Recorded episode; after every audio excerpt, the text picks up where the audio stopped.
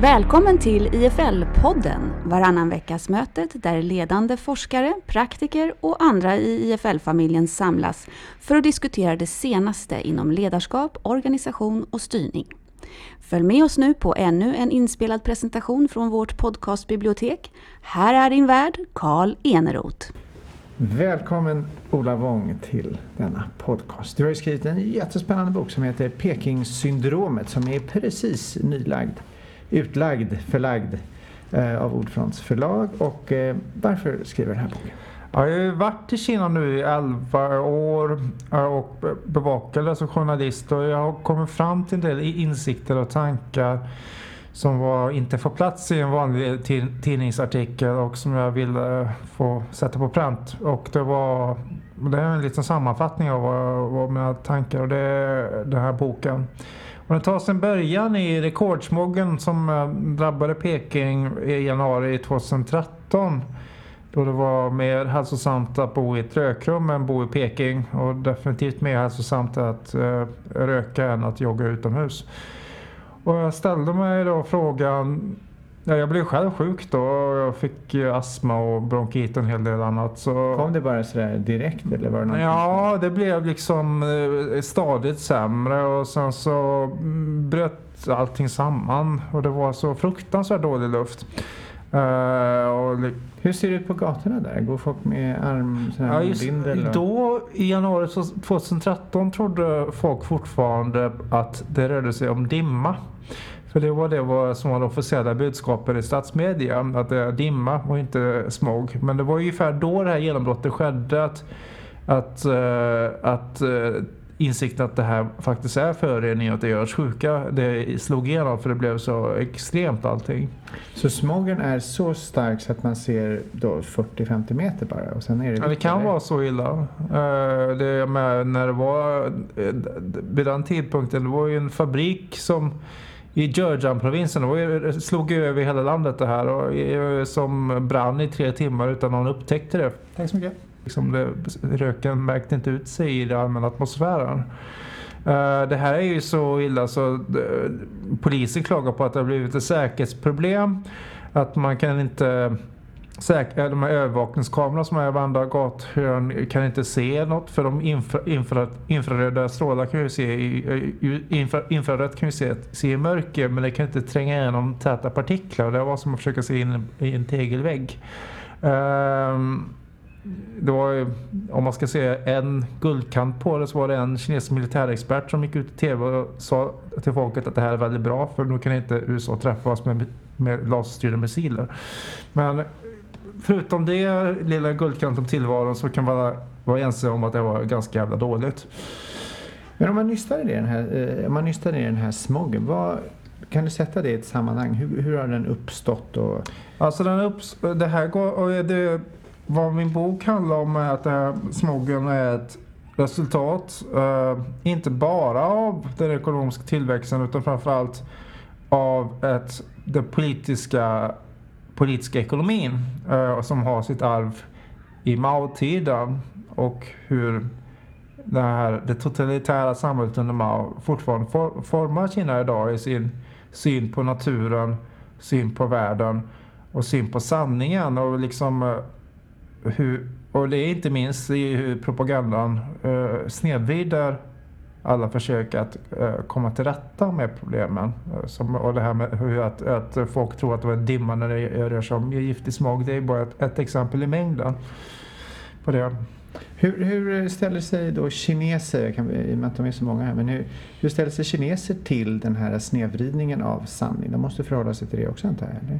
Jo, uh, men det är klart att eh, propaganda funkar liksom PR och reklam. Att om man upprepar budskap som du är i ung ålder så kommer du att acceptera det att om jag säger att det, här taket är svart trots att det är vitt så, och upprepar det varje dag sen du är liten ålder kommer du tycka att eh, taket är svart.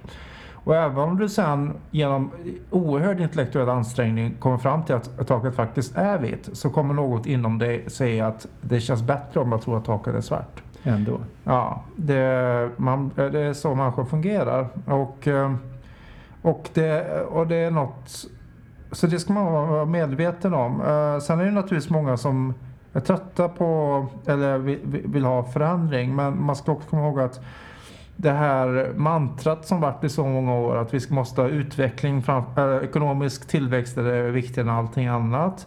Eh, det här eh, mantrat att man, man ser, man är beredd att offra väldigt mycket eh, för stora stora politiska projekt och då, då kan det handla om det stora ledarkatastrofer som kulturrevolutionen, det stora språnget eller bygget av tre raviner, Sandkärr, den här dammen på Långa floden. Allihopa är aspekter av samma tänkande, att man är beredd att offra väldigt mycket för stora politiska uh, projekt. Finns det en förankring i det, anser du? I, hos folket? Hos folket? Uh, jo då, det finns det. Och det, och det är samma med nu sedan de här smoggen har blivit ett rejält problem, man tvingats erkänna det så har ju så har ju eh, liksom eh, motreaktionen från eh, den officiella spindeln på det varit att alla länder som varit, blivit rika har varit smutsiga. Nu är det våran tur, nu måste vi bara bita ihop och patriotiskt lida för det här så att vi kan bli, snart, snart kommer paradiset vara här då som alltid är runt hörnet då. Um, och det är ju ett och, det, och, det, och även om många tycker att det sätter sig sådana budskap. Det sätter sig i bakhuvudet på folk. Det, det märker man. Och det, det är väldigt, eh, det är väldigt eh, olyckligt för det föder apati. Och det, och det här... Och, det, och att man då, och det föder också tron att ja, men staten fixar det här, jag kan inte göra någonting. Och det vill ju, för partiet fruktar aktiva medborgare och det är ju något som är ett problem för, eh, för det krävs aktiva medborgare för att fixa det här. Mm, så det är ja, en motsättning där Ja, och det är liksom, det går, den här boken handlar också om allting går, går tillbaka till att problemet är att allting i Kina syftar till att hålla partiet vid makten. Eh, de ekonomiska reformpolitiken, militärens främsta uppgift är inte att värna landets gränser utan att värna partiets maktinnehav, det är öppet. Eh, uh, mediernas främsta uppgift är att granska, granska och avslöja nyheter utan att uh, stötta partiet och de, den syn på verkligheten de har. Kulturens främsta uppgift är inte att, uh, är inte att kultivera, berika, berika en som människa utan att utan att stötta partiets maktinnehav och stötta partiets syn på historien som därmed stöttar partiets maktinnehav och så vidare och så vidare och så vidare. Allting som snedvrider sam det, det finns mycket gott partiet vill men dess krav på att ha hela tiden ha kontroll snedvrider ambitionerna som egentligen är goda. Och det, det gäller även exempelvis den här ambitionen man har från plenumet 2013 som var verkligen historiskt där Xi Jinping ledaren sa att nu ska vi införa marknadsdriven ekonomi till år 2020. Väldigt bra. Eh, de vill liksom att, eh, att naturresurser ska vara marknadsprissatta. De vill att allting ska, att det, det ska, ska inte vara politiska beslut utan marknaden som eh, allokerar resurser i, i, i, största utsträckning. Det är en väldigt bra ambition. Men de vill ju inte göra det som, som, som liksom kan underminera partiets totala maktdominans. Och det snedvrider det. Exempelvis, exempelvis oberoende domstolar som man fortfarande inte är beredda att acceptera. Men om man skulle släppa det fritt då, finns det inte, är inte utbytet stabilitet? Det är värt någonting också?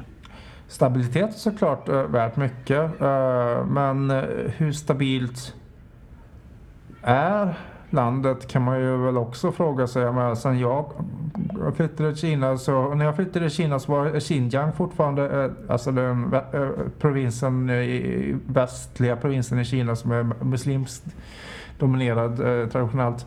Eh, den var ju fri i resa och var väldigt avspänd situation. Sen dess har man kraftigt utvecklat ekonomin i Xinjiang som de säger. Och det har blivit enormt eh, missnöje och numera är det krypskyttar överallt och det är liksom att intervjua folk är farligt. Att, eh, jag vet min kollega Hanna Salberg intervjuade eh, en person där och han åkte i fängelse i nio år och så vidare. Det är ju inte, det är inte något harmoniskt och fredligt samhälle det här. Det är ju något som har blivit radikalt mycket sämre. Från att ha haft noll terroristproblem så har, de, har Kina nu ett terrorproblem. och hur har det kommit till då? Ja, genom att förtryck. Uh, för liksom de här, exempelvis de här muslimska uigurerna. Uh, vi, Men varför har det kommit till? Varför, varför, om du var där för 10-12 år sedan, då Ja, var det ja. ingenting och nu är det massor. Vad, Ja, det, det var missnöje då, men eh, det som har skett är framförallt en stor eh, in- invandring av hankineser i traditionellt uiguriska områden. Uh, hankineserna då är majoritetsfolket i Kina, över 90 procent är hankineser och den politiska ledningen allihopa hankineser. Eh, och då har man den här västliga provinsen Xinjiang och som har stora kol och oljefyndigheter.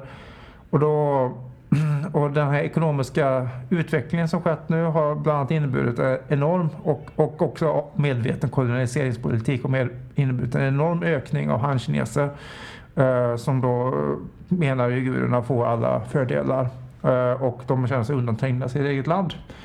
Eh, och sen eh, det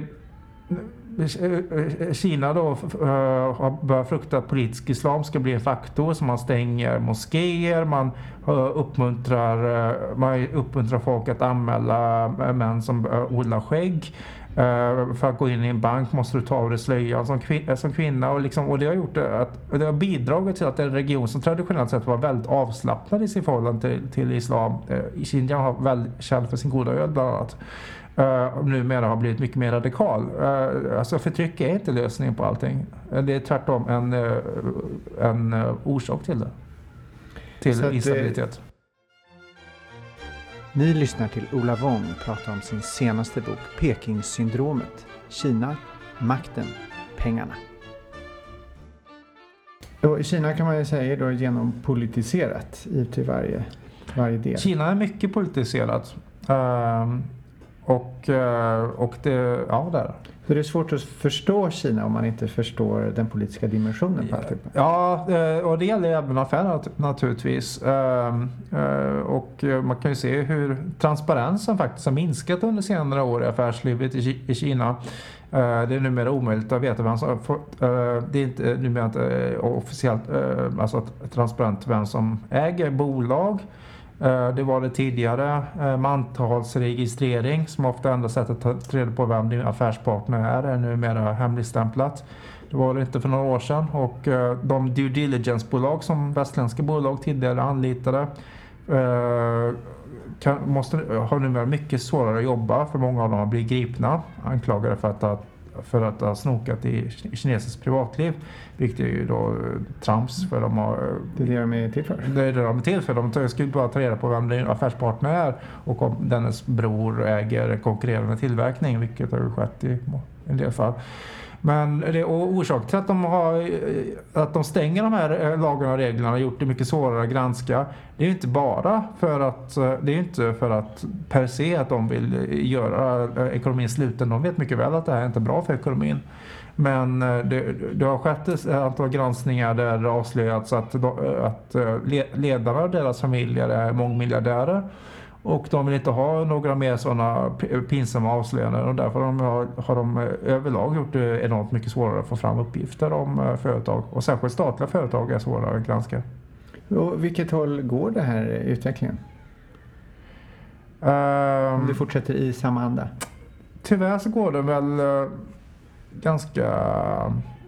Ja, det är en blandad kompott, men jag skulle vilja säga att det går att... eh, sedan Xi Jinping har tagit över har det gått dåligt för rättssamhället. Och rätts, rättsstaten är en förutsättning för en frisk eh, ekonomi också. Eller, eh, det, det tror väl de flesta åtminstone. Eh, så... Ja, jag tycker att eh, på många sätt har det gått bakåt. Eh, det som är hoppet är ju att de trots allt är, verkligen vill införa marknadsdriven ekonomi. Och det skulle, om de lyckas med det de har ut, utsatt sig för att göra, då, då det skulle vara väldigt bra. Men det krockar, med de ambitionerna krockar väldigt mycket med, med vad, eh, vad man eh, gör i praktiken. Kan man lita på de siffror som presenteras? Om det, att, om det inte finns någon transparens, går att kontrollera de siffror om ekonomin till exempel? Det beror på. Jag menar, BNP-siffror och de officiella är det väl ingen som riktigt litar på. Kan det vara mycket värre än vad det... Ja, det De kan både vara värre och bättre. Det, det beror lite på vad, hur de officiella, eller vad, vad målen är för ögonblicket. Eh, men jo, eh, Nej, men det är klart att det, det, det, är ett generellt problem med statistik i Kina. Och det är det ju i många länder. I Kina är inte unikt där, men bristen på transparens gör det till ett stort problem. Mm. Om man skulle etablera sig i Kina, vad är det så tre tips som man behöver tänka på som inte är de vanliga? Men liksom dimensionen som du... Jag tror, man, jag tror för, om man ska etablera sig i Kina så ska man vara nyfiken och glad. För det hjälper alltid. Och så tycker jag att man ska följa magkänsla. Om något verkar helt skumt och fel så, och, och du har en konsult som säger nej men så funkar det i Kina så lita hellre på din magkänsla. Utan uh, bullshit är bullshit uh, internationellt, inte bara. Uh, och även uh, och kineser är de första som, som ser det också. Så det, det är liksom uh, följ, följ magkänsla på många sätt. Om din magkänsla är korrekt vill säga. och um, jag tycker, var ni, alltså, Kina är ett fantastiskt och intressant land så jag liksom verkligen hänger åt, åt, åt, åt och lär dig om landet i fråga. Vad, vad och håll dig borta från, alltså det, det de här svenska enklaverna i Shanghai tror jag kanske är lite farligt att, det, att grotta ner sig i för, för det, det blir bara bubbla, bubbelliv. Vad tycker du fungerar väldigt bra? Vad är det Kina kan, vad kan vi lära av Kina som eh... Och jag tycker att det finns eh, Ja, det finns en spontanitet eh, som är trevlig. Liksom att man kan lösa problem på uppstuds. Man, allting behöver inte ha schemalagt. Eh, man kan lösa problem utan att vara så himla formalistisk som svenskar är så att det är både väldigt strukturerat och samtidigt Ja, liksom, för liksom det, det, finns massa lagar och regler och, och byråkrati men, men, samtidigt finns det en förståelse för att det mesta är idiotiskt och det går alltid att lösa problem uh, genom liksom, kreat, uh, kreativ tänkande och att man och, och liksom och det tycker jag finns i Kina som inte finns i Sverige. Titeln på din bok är ju Peking-syndromet. Vad står det för? Vad är syndromet? Ja, det är ju en eh, lek med eh, Stockholmssyndromet då. då vid Norrmalmstorgsdramat och gisslan eh, börjar försvara och skydda sin plågande. Och generationer av kineser och i synnerhet den nuvarande politiska ledningen drabbades av en riksvid utgåva av Stockholmssyndromet. För de växte upp i Mao-tidens Kina då det var totalitärt samhälle på riktigt. Och de gick och blev traumatiserade eh, troligtvis. Eh, eh, gick från att ha föräldrar som var uppburna i statsapparaten. Många av dem, Xi Jinpings far var ju en gammal krigskamrat med Mao och en av hans närmaste män. Gick från att vara uppburen till att frihetsberövad och bespottad av hela samhället. Och Xi Jinping upplevde samma sak, han blev utstött. Och fick gå in i exil. Och det gjort dem det har gjort de här ledan, ledningen till eh, det här paniska rädslan för instabilitet och politiska reformer vi ser. Här kan nog dras, härledas till det. Likaså den här cynismen som finns, den här cynismen mot idealism och det som allt som kulturrevolutionen stod för. Kulturrevolutionen var ju väldigt idealistisk och, det, och, eh, och, och när, de insåg, när folk sedan insåg hur de blivit svikna av Mao eh, och manipulerade så ledde det till en stor cynism. Samtidigt så har de, precis som med Stockholmssyndromet, eh, då även efter att gisslantagaren försvann har de fortsatt att dyrka honom. Och se sig själva som bleka kopior och arvtagare till denna.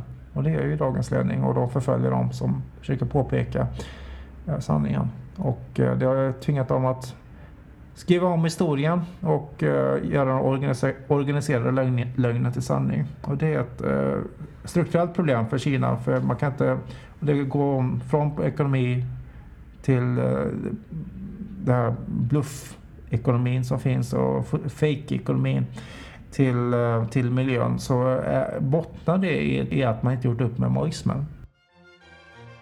Ni lyssnar till Ola Wong prata om sin senaste bok Peking-syndromet. Kina, makten, pengarna. Så att smogen som du såg på gatorna där har med maoismen att göra? Ja, ja. Där så bygger man ett... Eh, andlig smog leder till verklig smog, ja. Vad kan man göra åt det? Är, det, är, det, är västerlandet då modellen för med rättssystem och fri, fria marknadskrafter och demokratisering? Ja, Är det, funkar det i Kina också? Är det det enda svaret vi har? jag tror att uh, varianter av det funkar i Kina, ja. Eh, och eh, jag tror att eh, vi har i i nuläget inget bättre svar nästan. Mer av samma vara tror jag inte kommer funka, men det är det Xi Jinping vill göra. Vad får, vad får du för motargument om du pratar med någon som... Nej, men det är väl det gamla vanliga. Ki- Kina är inte moget för det. Kina behöver... eh, Tid på sig. eller, och att eh, det- den, den eh, politiska vägen som Kina har valt har historiskt visat sig vara korrekt på grund av den snabba ekonomiska tillväxten och så vidare. Men jag tycker att de argumenten om man ser på ett, en kinesisk kultur som kan kombinera demokrati och mänskliga rättigheter i hyfsad form så är det i Taiwan exempelvis. Och det är ett väldigt trevligt land att bo och leva i och det finns accepteras pluralistiskt tänkesätt. Eh, Jag tror att eh, det går visst. Men bi- bilden av Kina, eh, nu är jag första att säga så, är ju rätt blank. För det, och där måste finnas så många variationer. Oh, ja. Det är ju ett enormt komplext samhälle. Liksom det, ja. Mm. Så om du skulle dra några, några sådana här regioner som du har besökt, vad är de stora skillnaderna? Är det som Amerikas förenta stater, då kan man, ju- finns ju kännetecken liksom. Ja, det oh, ja, det är ju såklart det finns. Eh, Det är liksom från söderns ö och det mer sofistikerade mjuka Kina till eh, norra och nordöst gamla Ma- Manchuriet och Mongoliet där är allting lite mer rufft och sprit och vodkabälte. Och Till eh, muslimska västra, till Tibet och sin egen speciella kulturarv där. Eh, det finns ju regnskog och, snöklädda berg och allting finns i Kina. Det är ju otroligt. Det är ju nästan lika stort som USA. Har du varit, i, har du varit besökt alla delar? Eh, nästan. Vilken del gillar du bäst? Yunnan är ju väldigt trevligt i sydväst. eh, och lite mer avslappnat. All, alla avskyr skö, skönan. Eh, men jag tycker faktiskt om det. Eh, skönan har sådana här jättedåligt rykte och alltså, kineser brukar säga att, eh, att eh, folk från skönan är tjuvar och, si och, så- opålitliga och si och så. Men jag tycker faktiskt om det stället. Och det, och det är den, ett urhem för den kinesiska kulturen. Och eh, en, en tiondel av alla kineser är sköna. Så jag gillar sköna faktiskt. Jag får säga sköna. Jag, tycker om, jag var i Anyang som är där den första dokumenterade eh, dynastin hade sin huvudstad där. Jag tyckte det var helt fantastiskt. Och Även om det liksom är skitigt fult på många sätt. Men det var liksom också jävligt häftigt och jättetrevliga människor. Ja, sköna tyckte jag är trevligt. Vad, vad tror du om, om eh, Kinas och dess eh, expansionsplaner? Ryssland går ju åt det hållet, men har Kina sådana planer också? Ja, och eller? ja, det är ju då, de har ju anspråk på allt hav ända ner till eh, Borneo och Indonesien. Så det är ju Eh, i, i Sydkinesiska havet och i Östkinesiska havet har de ju ett eh, grälar de med Japan om bland annat ett par klippor då i havet eh, och, det in, och då havsområden. Alltså att expandera på havet har, är en av de tyngsta punkterna i, i, sedan Xi Jinping tog över för, för Kina att man vill expandera på oceanerna. Och det går ju i direkt konflikt med sina grannländer då. Eh, Och sen har man ju anspråk på en Arundel Pradesh, Pradesh provinsen i delstaten i Indien.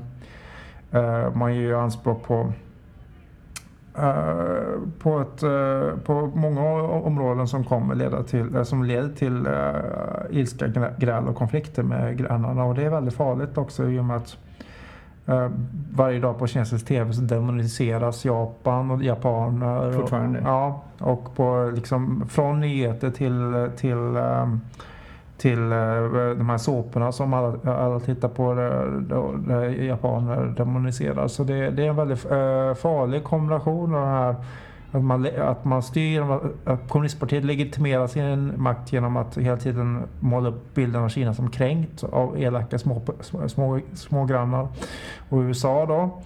Och att det enda som kan rädda dem från kränkningar är kommunistpartiet och att man liksom man är helt enkelt kränkt och man hela tiden rustar upp och man är väldigt på, liksom den här militärporren som hela tiden går att man eh, visar raketer som skjuts av av militärer och, och den dyrkan av det militära som är ett arv från Mao-tiden. Det, det är inte bra, den militarismen. Det, det är en väldigt farlig väg. Har det vuxit sig starkare tycker du? Ja, det har under de senaste uh, Ja, liksom uh, hatet mot Japan har vuxit sig mycket starkare. Hatet och liksom där, och hur man liksom trycker ner sina grannländer och liksom gör de facto ockupationer av öar och sånt. Det har verkligen vuxit i styrka under, det har blivit mycket mer markant jämfört med, om man jämför med exempelvis perioden i början av 00-talet. Åren fram till Peking-OS. Kommer Kina bli en eh, supermakt, eller den är ju redan, men ja, kommer den gå om USA eh, med tanke på smogen vi pratade om uh, ekonomiskt, I ekonomisk storlek så är det väl uh, fullt möjligt att de kan göra det. Mm. Men eh, som en, att den att Kina alltså invaderar kulturellt också som Amerika har gjort? Nej, det tror jag blir svårare. Uh, de har en... Är de intresserade av det? Ja. Uh, förbättra sin image och, det, um, och liksom bygga soft power och allt det där. Eh, men jag tror det blir svårare för dem att eh, lyckas med det. Inte minst för att eh, kinesisk censur inte tillåter det, här, det som USA har vunnit världen på, sex, våld och rock'n'roll. Du vet att det, censuren är väldigt prussiluskan i sin attityd till sådant. Och då blir det svårt att göra kulturprodukter som slår. Så man ser också att det som slår från USA är ofta sånt som är väldigt självironiskt och driver med USA. Simpson eller Ja, you name it. Eh, allting är ju... Filmerna. Ja, de är väldigt, väldigt, eh, ofta väldigt kritiska mot det egna samfundet och det, och det eh, samhället. Och, det, och den censuren i Kina är inte beredd att acceptera det nu. Och de har dessutom en svår story att sälja då, en auktoritär stat med extrema miljöproblem. Så det kräver en självironi som Kina inte är beredd att acceptera i nuläget. Och kopplingarna till Ryssland, är de starka? Eller? Land, det första landet Xi Jinping besökte efter han tog över var, eh, var eh, Ryssland och Putin. Eh, de tecknade avtal om att de, var, att de hade ett, vad heter det, ett, ett, ett, ett tätt samarbetsavtal. Och, um, samtidigt så ska man ju inte glömma att Kina och Ryssland har intressekonflikter. Mm. Eh, bägge vill ha intressen i centralasiatiska republiker som tidigare tillhörde Sovjet. Eh, pågår någon form av dragkamp där. Och att eh, Ryssland har en eh, väldigt stor oro att eh, Kina kommer ta över Sibirien. Som är då, för det bor ju bara 6 miljoner ryssar i Sibirien medan det bor ja, 180 miljoner någonting sånt där kineser i de kinesiska grannprovinserna som också har liknande klimat. Uh, och det är klart att de skulle kunna expandera upp i Sibirien. Uh, och då, då, då, då, det finns en sån här stor oro i Ryssland Och det. Så det liksom, jag, um, jag tror inte att de, jag tror att de kommer bli tillvis samarbeta men de är inte de här, eh, de är inte den här match made in heaven som de ibland utmålas, utmålas som även av sig själva. Man kan eh, en annan strategisk partner som Kina har, eh, har tecknat avtal med ju, var ju Ukraina. Just det. Så då har ju Kina till och med lovat, lovat sätta Ukraina i sitt nukleära paraply. Vilket betyder att de blir hotade av en eh, atominvasion så ska, kommer Kina, Kinas atomstyrka att försvara Ukraina. Vilket blir Lite ironiskt nu när de enda som kan tänkas eh, hota Ukraina med, eh, med atomvapen idag är Ryssland. Så Ryssland är isolerad på det, just det? Inte isolerad, ja där är faktiskt, alltså Kina la ju ner sin röst och det är väl så mycket som man kan hoppas på från Kina när, när de fördömde det här i FNs säkerhetsråd. Uh, Kina, vill in, Kina har också sagt att de respekterar principen om, om statens suveränitet för det är ju liksom A och O i deras i deras utrikespolitik sedan länge att liksom statssuveränitet, den principen är helig och ingen ska då implicit ingen ska kritisera Kinas mänskliga rättigheter. Eh, men men eh, de har ju sagt det då och upprepat att de ser det även i Ukraina-frågan men att de vill vara realistiska samtidigt vilket betyder att eh, de vill inte riktigt ta ställning. Men de är inte på Rysslands sida i den här konflikten, är de inte. Det har ju varit tydligt. Om man nu, eh, nu börjar vi närma oss slutet av denna eh, podcast och eh, frågan är vad kan då skingra den här smogen vi har pratat om i början? Ser du några ljusglimtar? Ja, dels så finns det en verklig ambition från den kinesiska ledningen att städa upp. Ehm, man har lite mer olycksbådande förklarat krig mot miljöförstöringen. För Eh, det stora hoppet tror jag ligger i den kinesiska medelklassen och deras växande miljöoro. Eh, då krävs det dock att de får göra sin röst hörd. Och att eh, genom domstol, press och annat kan sätta agenda och inte bara utlämna det åt besluten från någon arbetande partibyråkrat utan det är att de ska bli den faktor som driver. Som det har varit även när västvärlden fick sin miljörörelse.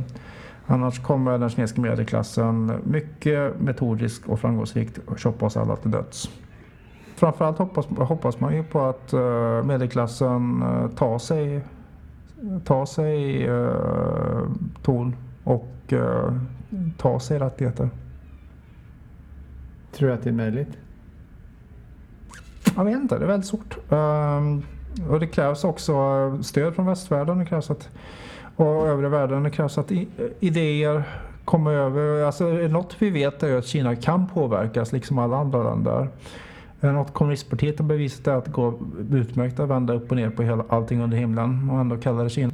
Att det går verkligen andra saker och ting på olika nivåer. Det finns eh, medier som verkligen vill göra bra jobb. Det finns Eh, eh, folk i partiet som vill ha förändring. Så jag med, eh, det är jättestora utmaningar men det, är liksom, det, är ingen, det, det finns ingen orsak att inte tro att det inte går att förändra.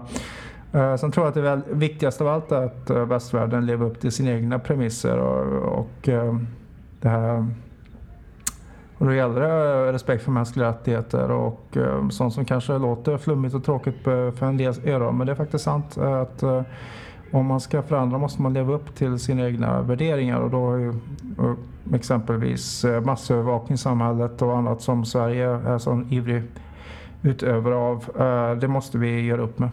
Vi måste stå för frihet igen. Tack, tack eh, Ola Wong och tack för att du har kommit hit och presenterat Pekingsyndromet, Kina, makten, pengarna.